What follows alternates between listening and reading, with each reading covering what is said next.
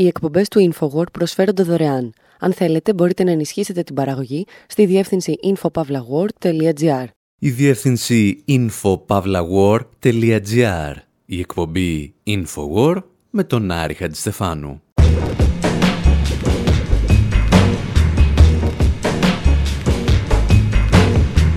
όπου σήμερα γιορτάζουμε τα 100 χρόνια της εταιρείας Walt Disney. Αναρωτιόμαστε εάν ο πατέρας του Mickey Mouse και του Donald Duck βγήκε από την κατάψυξη και ζει σαν την ηρωίδα της ταινίας Goodbye Lenin. Παρακολουθούμε παρουσιαστές του ακροδεξιού δικτύου Fox News να θεωρούν ότι η Disney φλερτάρει με το μαρξισμό αλλά εμείς θυμόμαστε μια εποχή στην οποία φλέρταρε με τον ναζισμό.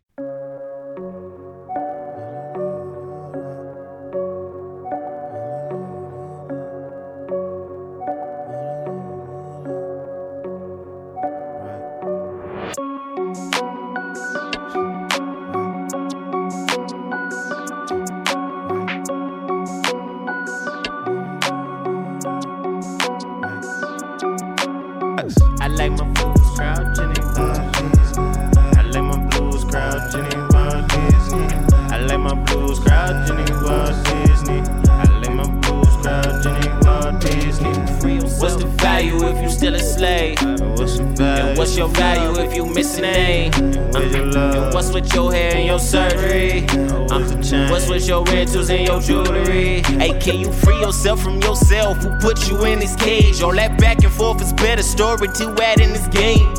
You pick your player wisely, know that you can change. That sound can resonate longer than gimmicks in your name. Call me Django, the D is silent till I am in there. I got a hard shell flow, raised with master splinter. The lyrics flow delivery, that holy fucking trinity. I serve it hotter than your mama's den into the seventh degree.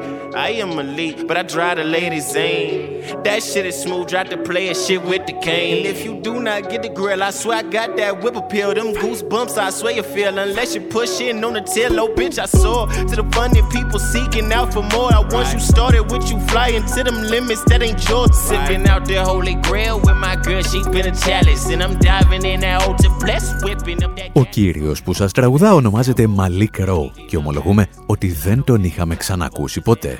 Το κομμάτι του όμως αποτελεί απόδειξη ότι με όποιο θέμα και αν ασχολείσαι θα υπάρχει σίγουρα κάποιος που έχει γράψει ένα τραγούδι γι' αυτό. Ο τίτλος του τραγουδιού είναι Cryogenic Blues, τα blues της κρυογενετικής. Αναφέρεται στην εντολή που φέρεται να είχε δώσει ο Walt Disney να καταψύξουν το σώμα του μετά το θάνατό του, ώστε εάν κάποια μέρα η επιστήμη το επιτρέψει, να τον επαναφέρουν στη ζωή. Αυτό τουλάχιστον λέει ο σχετικός αστικός μύθος, που δεν έχει καμία απολύτως επαφή με την πραγματικότητα. Παρ' όλα αυτά, ορισμένοι υποστηρίζουν ότι ξέρουν ακόμη και που βρίσκεται ο ψυγειοκαταψύκτης με το σώμα του Disney. Είναι, λέει, κάτω από το μεγαλύτερο τρενάκι στη Disney World, στην Φλόριντα.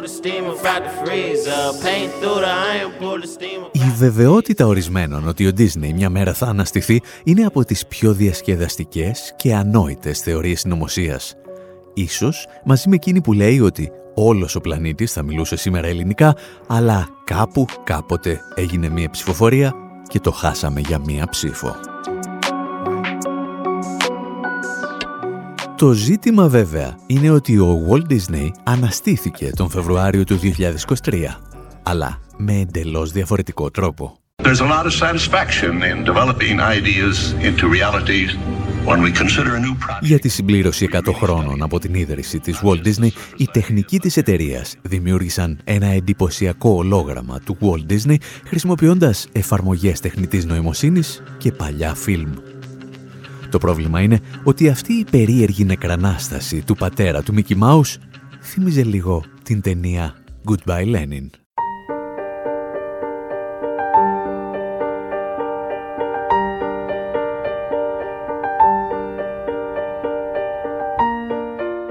Εάν θυμάστε, στην ταινία η ηρωίδα πέφτει σε κόμμα ούσα κομμουνίστρια στην Ανατολική Γερμανία και ξυπνά στον αντικομουνιστικό κόσμο της ενοποιημένης Γερμανίας. Ο Walt Disney πάλι έπαθε το αντίθετο. Πέθανε ταγμένος αντικομονιστής και το ολόγραμμά του ήρθε στον κόσμο σε μια εποχή που η εταιρεία του κατηγορείται ότι έχει περάσει στο σοσιαλιστικό στρατόπεδο. Το θέμα είναι από ποιον κατηγορείται. Ο ακροδεξιός σχολιαστής και πρώην συνεργάτης του Ρόναλντ Ρίγκαν, Μαρκ Λεβίν, υποστήριξε πρόσφατα ότι η Disney κάνει μαρξιστική κατήχηση στα παιδιά. Και δεν ήταν ο μόνος. Το Fox News σχημάτισε την ίδια ακριβώς εντύπωση όταν είδε το παρακάτω βιντεάκι από μια παιδική εκπομπή της Disney.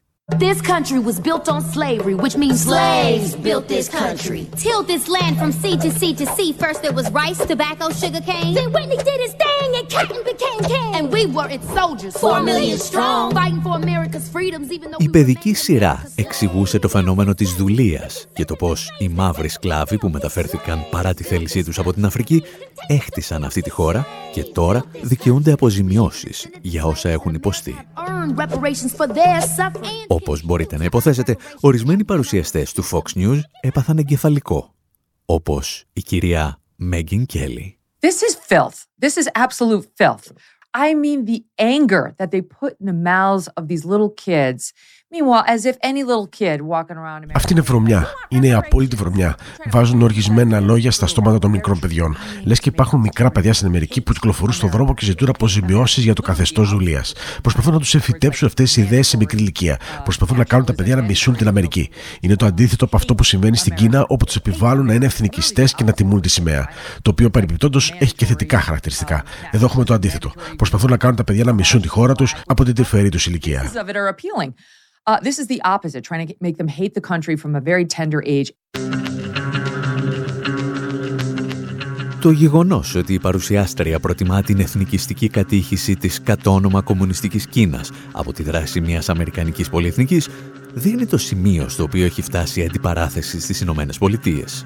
Και αυτή η σύγκρουση δεν μένει στα λόγια. A Disney-owned ABC would put that out on tweet. They'd say, Governor DeSantis signs bill to prohibit uh, instruction in sexual identity and gender identity in some grades. Το αποκορύφωμα της αντιπαράθεσης ήρθε τους τελευταίους μήνες, όταν ο κυβερνήτης της Φλόριντας, Ρον Ντεσάντης, τον οποίο ακούμε εδώ, κήρυξε τον πόλεμο στην Disney με αφορμή την κριτική που άσκησε η τελευταία στον περίφημο νόμο Don't Say Gay. Πρόκειται για ένα πακέτο ομοφοβικών ρυθμίσεων που μεταξύ άλλων απαγορεύει τα μαθήματα σεξουαλικού προσανατολισμού στα σχολεία. Ο Ντεσάντης τελικά κέρδισε τη μάχη, αφού πρώτα απείλησε να διακόψει τις φοροελαφρύνσεις που απολαμβάνει η εταιρεία στην πολιτεία του. Ο πόλεμος όμως δεν σταματούσε. Η Αμερικανική δεξιά επιτέθηκε στην Disney και για το γεγονός ότι αποφάσισε να οικοδομήσει κατοικίες χαμηλού ενοικίου για τις εργαζομένους της στο Ορλάντο της Φλόριντας, δηλαδή στην πλησιέστερη πόλη στο θεματικό πάρκο της Disney World. Το πρόγραμμα χαρακτηρίστηκε σοσιαλιστικό και αρκετοί τραμπικοί στις Ηνωμένες Πολιτείες άρχισαν να φαντάζονται τη χώρα τους να γεμίζει με εργατικές πολυκατοικίες σοβιετικής αρχιτεκτονικής. Προφανώς, τίποτα από αυτά δεν ισχύει. Η Disney ήταν αναγκασμένη να προσφέρει χαμηλά ενίκεια στους υπαλλήλους της της Disney World, γιατί με τους χαμηλούς μισθούς που τους δίνει δεν μπορούσαν να επιβιώσουν στη Φλόριντα. Τα εξηγούσε ο ανταποκριτής του News Nation. Many of these theme park workers make just $15 an hour. It is not enough money to be able to afford a house or even a rental. Αρκετοί από τους εργαζόμενους στα θεματικά πάρκα της Disney βγάζουν 15 δολάρια την ώρα. Αυτά δεν αρκούν ούτε για να αγοράσουν ούτε για να νοικιάσουν ένα διαμέρισμα στις περιοχές της Φλόριντας όπου βρίσκεται το πάρκο. Πολλοί εργαζόμενοι αναγκάζονται να ζουν σε βρώμικα και συχαμένα δωμάτια μοτέλ για τα οποία πληρώνουν 1500 δολάρια το μήνα.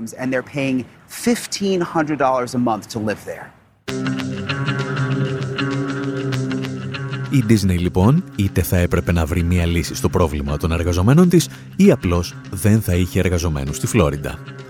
Παρεπιπτόντως, το ίδιο θα έπρεπε να κάνει και το ελληνικό κράτος για τους καθηγητές, τους γιατρούς ή ακόμη και τους πυροσβέστες, τους οποίους στέλνει σε κοσμικά νησιά, όπου αναγκάζονται να δίνουν όλο το μισθό τους σε ενίκεια.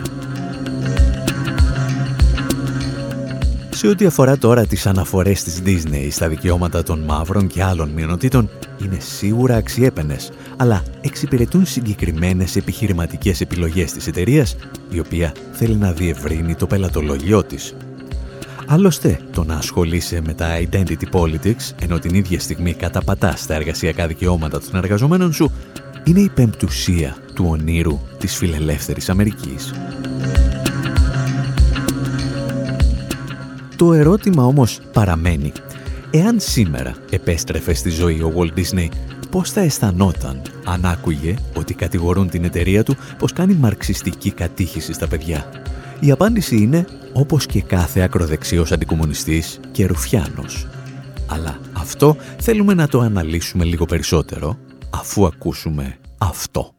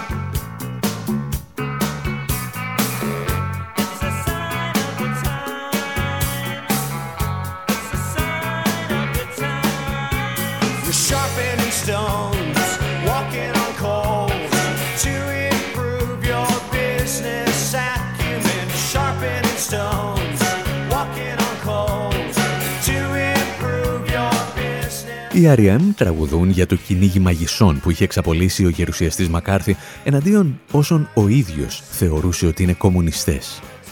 Και εκείνα τα χρόνια πέρασαν τριών ειδών άνθρωποι από τη διαβόητη Επιτροπή Αντιαμερικανικών Υποθέσεων.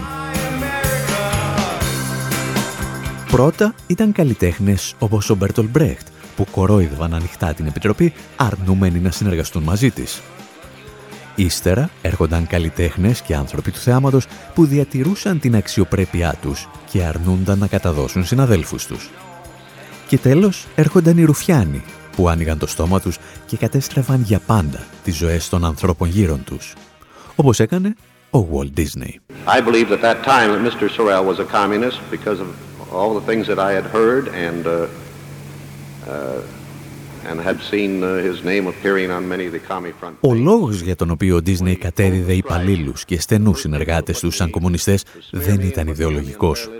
Ούτως ή άλλως, η ρουφιανιά, όπως και ο φασισμός, δεν είναι ιδεολογίες, αλλά πολιτικές πρακτικές.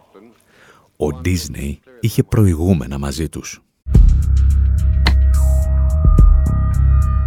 Το 1941 οι εργαζόμενοι στη Walt Disney πραγματοποιούν ίσως την σημαντικότερη απεργία στην ιστορία του Hollywood.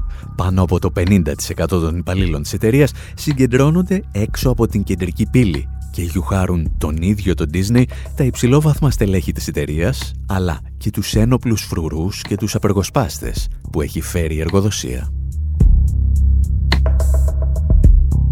Αρκετοί σχεδιαστές έχουν φτιάξει τεράστια πλακάτ με το Mickey Mouse που εξηγεί ότι ο Disney θα μπορούσε να είχε αποτρέψει την απεργία, αλλά ο ίδιος επιθυμούσε τη σύγκρουση με τους εργαζομένους του. Σε ένα άλλο, ο Πλούτο φέρεται να λέει «Καλύτερα να είσαι σκύλος παρά σκάμπ», δηλαδή απεργοσπάστης. Παρά την προκλητική καταστολή πάντως, η απεργία πέτυχε τους βασικότερους στόχους της, βελτιώνοντας τις συνθήκες εργασίας όχι μόνο των υπαλλήλων της Disney, αλλά και πολλών ακόμη επιχειρήσεων στο Hollywood. Ανίκανος τότε να αντιδράσει, ο Walt Disney θα περιμένει έξι χρόνια για να εκδικηθεί τους προτεργάτες της απεργίας. Εκείνες οι κινητοποιήσεις, λέει στην κατάθεσή τους στα μακαρθικά δικαστήρια, ήταν τμήμα κομμουνιστικού σχεδίου για την κατάληψη του Χόλιγουτ.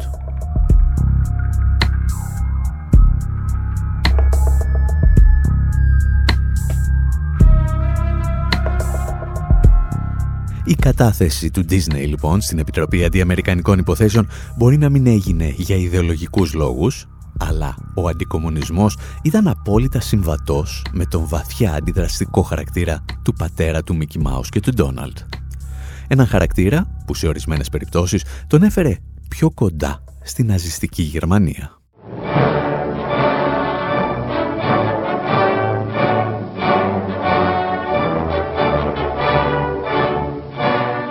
Η μουσική που ακούμε προέρχεται από το περίφημο ντοκιμαντέρ «Η δύναμη της θέλησης» που σκηνοθέτησε η Λένι Ρίφενσταλ για τον Αδόλφο Χίτλερ το 1935. Μια εποχή όπου η οικονομική ελίτ των ΗΠΑ όχι μόνο δεν είχε καταδικάσει τον ναζισμό, αλλά φλέρταρε έντονα μαζί του. Η Ρίφενσταλ θα ταξιδέψει στην Καλιφόρνια το Νοέμβριο του 1938, καθώς αναζητά διανομής για το νέο της ντοκιμαντέρ με τίτλο «Ολύμπια», στο οποίο παρουσιάζει τους Ολυμπιακούς Αγώνες του Χίτλερ στο Βερολίνο. Σχεδόν όλοι οι καλλιτέχνες, η παραγωγή και τα μεγάλα στούντιο στο Χόλιγοτ αποφασίζουν να μποϊκοτάρουν την επίσκεψή της και κρατούν τις πόρτες τους κλειστές. Όλοι εκτός από τον Walt Disney, ο οποίος την υποδέχεται με ανοιχτές αγκάλες και την ξεναγεί ο ίδιος στις εγκαταστάσεις της εταιρείας του. Η στιγμή που επιλέγει ο Disney δεν είναι καθόλου τυχαία. Όταν το αεροπλάνο της Riefenstahl προσγειώνεται στις Ηνωμένες Πολιτείες, δεν έχει περάσει ούτε ένας μήνας από τη νύχτα των κρυστάλλων και το πογκρόμ εναντίον των Εβραίων στη Γερμανία. Ο κόσμος γνωρίζει πλέον το πραγματικό πρόσωπο του Χίτλερ πέρα από κάθε αμφιβολία. Αλλά ο Disney δεν έχει το παραμικρό πρόβλημα να υποδεχθεί την ιέρεια της ναζιστικής προπαγάνδας στην εταιρεία του. Ούτως ή άλλως μοιράζονται και κάτι ακόμη με την ναζιστική Γερμανία. Τον αντισημιτισμό τους. I'm I'm giving a free sample. Thank you. Το 1933 η Disney παρουσιάζει τα τρία γουρουνάκια, στα οποία ο κακός λύκος που προσπαθεί να τα φάει έχει ντυθεί Εβραίος. Για την αγρίβεια έχει ντυθεί σαν καρικατούρα των Εβραίων, όπως δηλαδή τον παρουσίαζε η ναζιστική προπαγάνδα. Αργότερα βέβαια ο Disney θα αντικαταστήσει τη συγκεκριμένη σκηνή, αλλά η ρετσινιά του αντισημιτισμού είναι δύσκολο να σβήσει.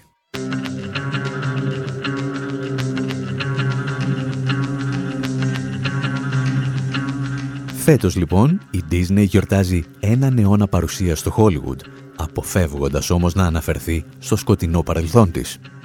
Ακόμη πιο ανησυχητικό όμως είναι ότι αυτή τη στιγμή ένα μεγάλο τμήμα του Ρεπουμπλικανικού κόμματος στις Ηνωμένες Πολιτείες θεωρεί ότι αυτή η πολυεθνική πρεσβεύει τις αρχές του μαρξισμού και του σοσιαλισμού.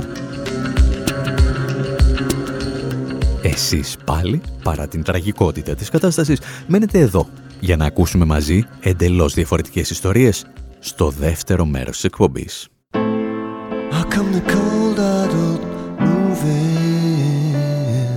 when the only thing they show is people making babies;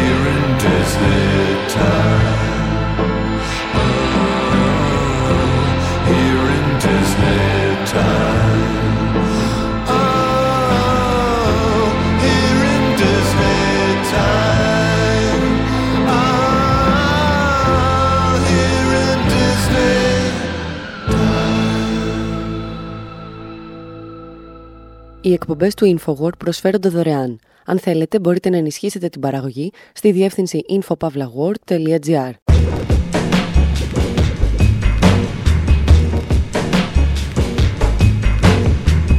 όπου σήμερα συζητάμε για τις γυναίκες που δημιούργησαν την ηλεκτρονική μουσική και ύστερα τις έφαγε το σκοτάδι. Θυμόμαστε το μουσικό θέμα του Dr. Who και αναρωτιόμαστε πώς μπορείς να γράψεις αυτή τη μουσική εάν έχεις στη διάθεσή σου μόνο κάτι μαγνητοτενίες. Συνειδητοποιούμε ότι οι γυναίκες βρίσκονταν πάντα στην πρωτοπορία της ηλεκτρονικής τεχνολογίας και των υπολογιστών, αλλά ένα ανδροκρατούμενο οικονομικό σύστημα φρόντιζε να τις πετά πάντα στο περιθώριο. Παρακολουθούμε ραδιοφωνικά τον ντοκιμαντέρ της Λίζα Ρόβνερ για γυναίκες που άκουγαν φωνές και δεν ήταν η Ζαντάρκ, αλλά κάποιοι εξακολουθούσαν να θέλουν να τις κάψουν.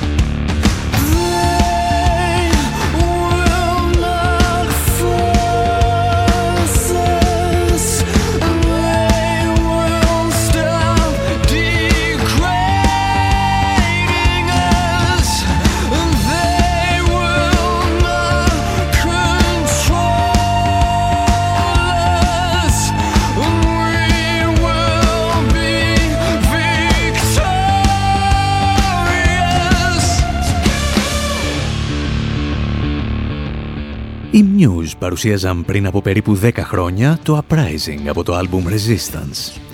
Και οι παλαιότεροι ίσως σκεφτείτε Μισό λεπτό, αυτό δεν θυμίζει το άλλο από εκείνη την τηλεοπτική σειρά με τον τύπο που έμπαινε σε ένα μπλε κουτί και ταξίδευε στο χρόνο. Και θυμίζει πράγματι το μουσικό θέμα της τηλεοπτικής σειράς Doctor Who.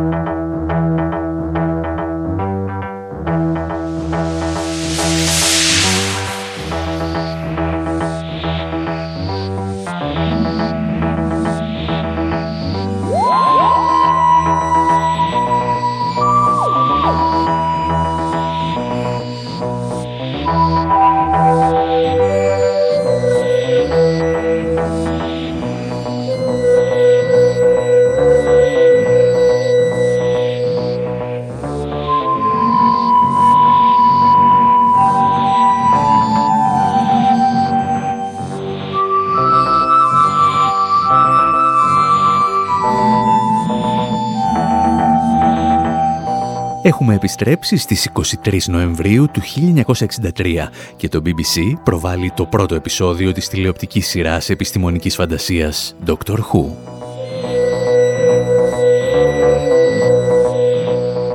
Και θα ήταν μια συνηθισμένη μέρα του Νοέμβρη εάν 24 ώρες νωρίτερα τα αμερικανικά μέσα ενημέρωσης δεν είχαν διακόψει το πρόγραμμά τους για να μεταδώσουν μια έκτακτη είδηση. President Kennedy was shot today just as his motorcade left downtown Dallas. Mrs. Kennedy jumped up and grabbed Mr. Kennedy. She cried, "Oh no." The motorcade sped on. Οι τηλεοράσεις όλου του κόσμου μεταδίδουν τις πρώτες πληροφορίες για τη δολοφονία του Πρόεδρου Κέννεντι. Και αν αυτό συνέβαινε σήμερα, θα προκαλούσε συνεχή ροή ειδήσεων για κανένα δυο μήνες. Το BBC όμως δεν είχε τέτοια προβλήματα το 1963 είχε προγραμματίσει να παίξει Doctor Who 24 ώρες μετά τη δολοφονία του Κέννεντι και θα έπαιζε Doctor Who. Η σειρά θα αποτελέσει επανάσταση στα τηλεοπτικά χρονικά και με διάφορες μορφές και πρωταγωνιστές συνεχίζεται για περίπου 6 δεκαετίες. Εξίσου μεγάλη επανάσταση όμως έφερε και το μουσικό θέμα της σειράς. Κάποιοι αναφέρουν ότι ήταν ίσως το πρώτο δείγμα ηλεκτρονικής μουσικής που μεταδόθηκε από την τηλεόραση.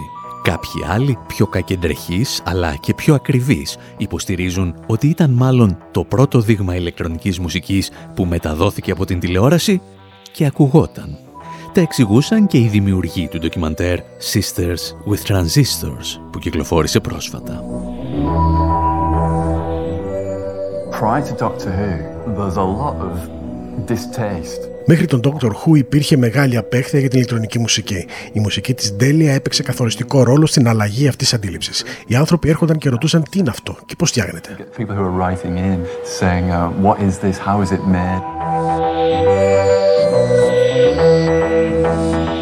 Η Ντέλια για την οποία ακούσατε ήταν η Ντέλια Ντάρμπισερ, μία από τις σημαντικότερες όσο και αφανείς πρωταγωνίστριες στην πορεία της ηλεκτρονικής μουσικής.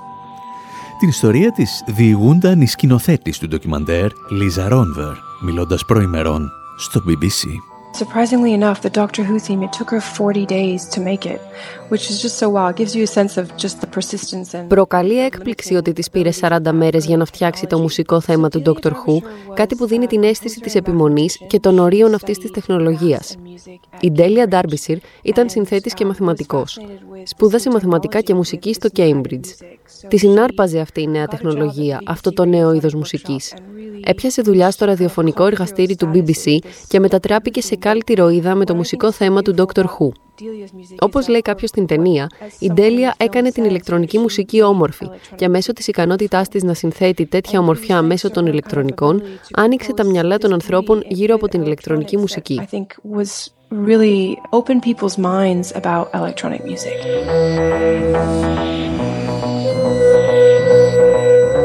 Μία μουσικός και μαθηματικός λοιπόν έγραψε το θέμα του Dr. Who και ο λόγος για τον οποίο χρειάστηκε 40 ημέρες ήταν ότι δεν είχε στη διάθεσή της πολυκάναλους μίκτες αλλά έφτιαχνε μία-μία τις νότες σε μαγνητική ταινία.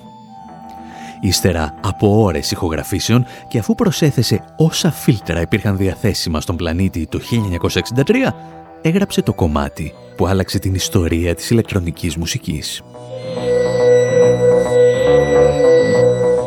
Αν εξαιρέσουμε μάλιστα το γεγονός ότι ο Dr. Who ξεκίνησε σαν τηλεοπτική σειρά για παιδιά και ορισμένα από αυτά τα παιδιά πάθαιναν κρίσεις πανικού όταν άκουγαν τη μουσική, όλα πήγαιναν μια χαρά. Αυτό που μας αφορά σήμερα πάντως είναι ότι η ηλεκτρονική μουσική ορίμασε τεχνικά και αισθητικά χάρη σε γυναίκες δημιουργούς. Εμείς πάλι ακούμε για λίγο τους Pink Floyd, οι οποίοι επίσης εμπνεύστηκαν από το μουσικό θέμα του Doctor Who και επιστρέφουμε για να διηγηθούμε την ιστορία αυτών των γυναικών.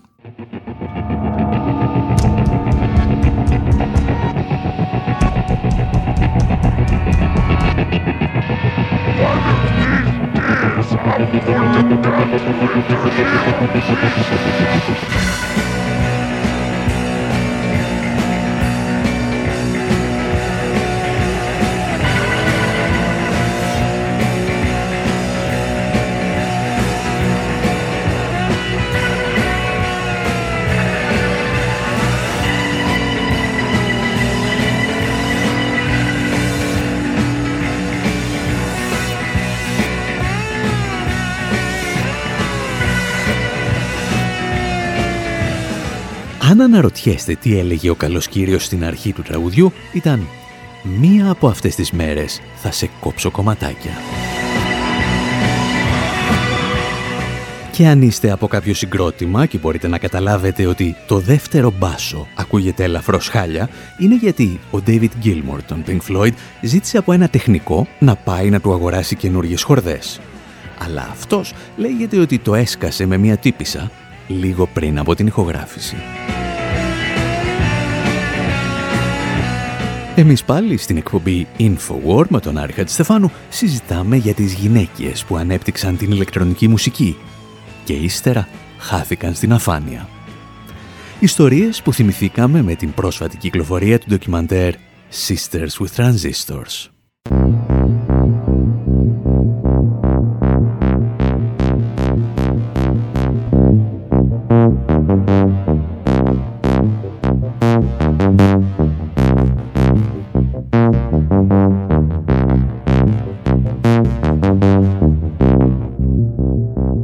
Θεωρητικά, η ηλεκτρονική μουσική κάνει τα πρώτα της πειραματικά βήματα στο τέλος του 19ου αιώνα και στις αρχές του 20ου.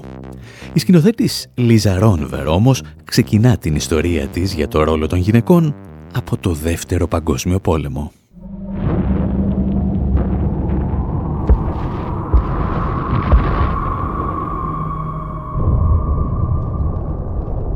World War II emptied cities of men. Ο Δεύτερος Παγκόσμιος Πόλεμος άδειασε τις πόλεις από άντρες. Λόγω της απουσίας των ανδρών εργάζονταν οι γυναίκες. Η ελευθερία ήταν παραπάνω από ένα συνέστημα. Freedom was more than a feeling.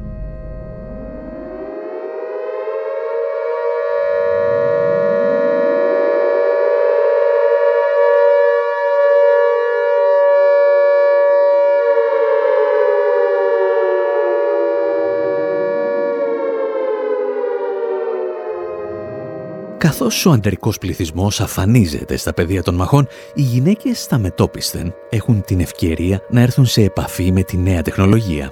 Στο Λονδίνο χιλιάδες γυναίκες εργάζονται στις επικοινωνίες ή σε ραδιοφωνικούς σταθμούς. Ακούν καθημερινά τις ειρήνες του πολέμου, αλλά και τα παράσιτα των τρανζίστορ που φέρνουν τις ειδήσεις από τα πεδία των μαχών.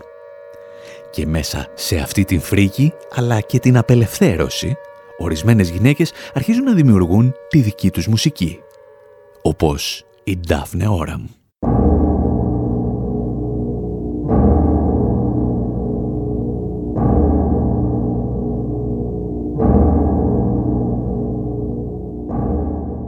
Δείτε βίντεο και φωτογραφίες της Daphne Oram, θα υποθέσετε ότι πρόκειται για μια νοικοκυρά της δεκαετίας του 50 από τις μεσοδυτικές πολιτείες των Ηνωμένων Πολιτειών ή τα προάστια του Λονδίνου, η οποία ενδέχεται να φτιάχνει εξαιρετική πρασόπιτα.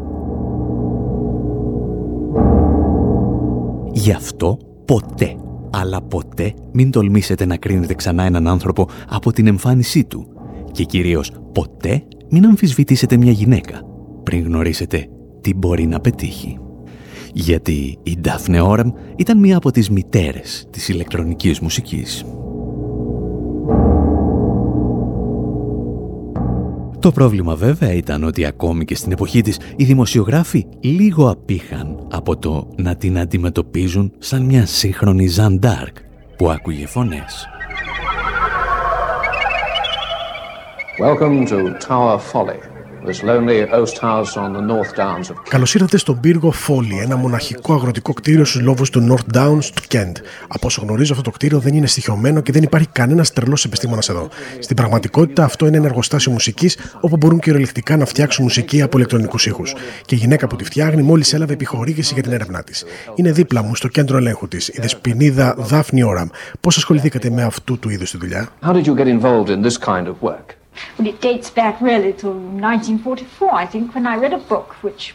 Πίσω στο 1944 διάβασα ένα βιβλίο που προφήτευσε ότι οι συνθέτες του μέλλοντος θα συνέθεταν απευθείας στον ήχο αντί να χρησιμοποιούν ορχιστρικά όργανα.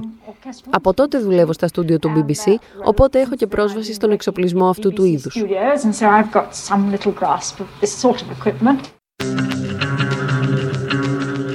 Κάθε βράδυ όταν τελείωνε τη δουλειά της, η ώρα μάζευε σε ένα δωμάτιο του BBC όσες περισσότερες μονταζιέρες με μαγνητικές μπομπίνες μπορούσε. και όλο το βράδυ δημιουργούσε τη μουσική της. Μόλις ξημέρωνε, επέστρεφε τα μηχανήματα στη θέση τους και συνέχιζε την κανονική τους δουλειά στο BBC. Γιατί ως γνωστόν, ο ύπνος είναι υπερτιμημένος.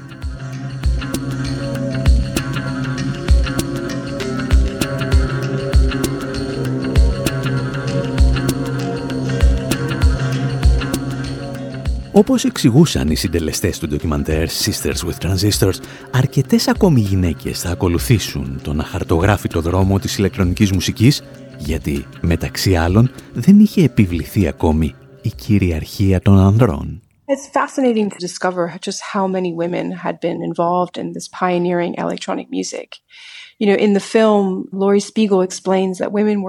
Είναι συναρπαστικό να ανακαλύπτεις πόσες πολλές γυναίκες αναμίχθηκαν στην πρωτοποριακή ηλεκτρονική μουσική.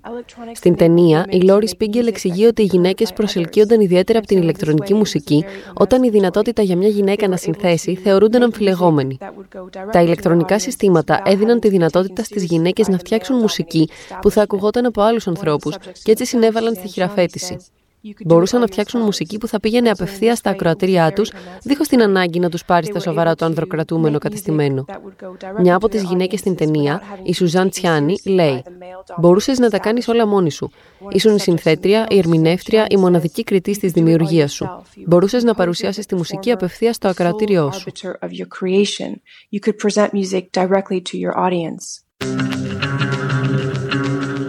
Η Λόρι Σπίγκελ, για την οποία ακούσατε, εξηγούσε με δικά της λόγια την ίδια πραγματικότητα. Η ηλεκτρονική μουσική, έλεγε, ήταν ένα μέσο για να παρακάμψεις έναν ανδροκρατούμενο κόσμο.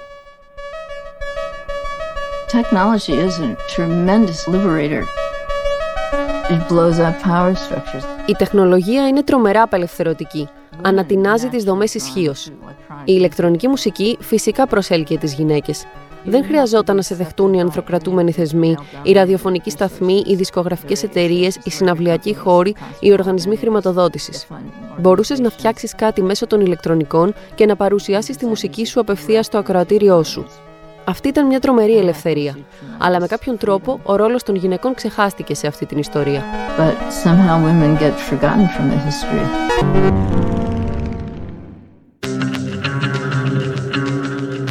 Παρεπιπτόντος, η Λόρα Σπίγκελ ήταν πρωτοπόρος στη μουσική ηλεκτρονικών υπολογιστών, που, όπως όλα τα πειραματικά είδη μουσικής, στην αρχή απλώς δεν ακούγονται.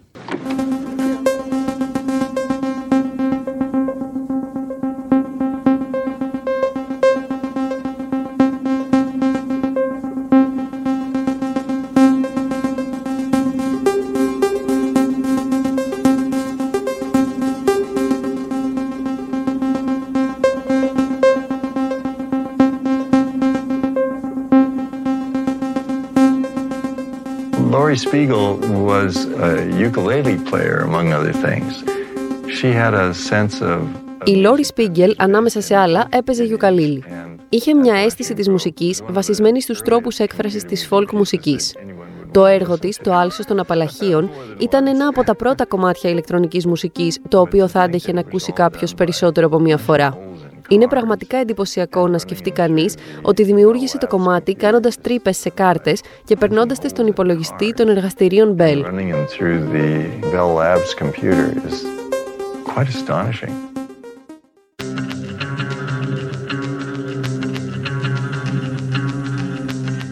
Κάπου εδώ όμως, με ιστορίες σαν κι αυτές, λέμε να σας αφήσουμε και για αυτή την εβδομάδα. Να θυμάστε ότι μας βρίσκεται πάντα στη διεύθυνση info.pavlawar.gr Να θυμάστε επίσης ότι στα βιβλιοπολία κυκλοφορεί το βιβλίο μας «Προπαγάνδα και παραπληροφόρηση» από τις εκδόσεις «Τόπος». Μέχρι λοιπόν την επόμενη εβδομάδα, από τον Άρη Χατζηστεφάνου στο μικρόφωνο και τον Δημήτρη Σαθόπουλο στην τεχνική επιμέλεια, γεια σας και χαρά σας.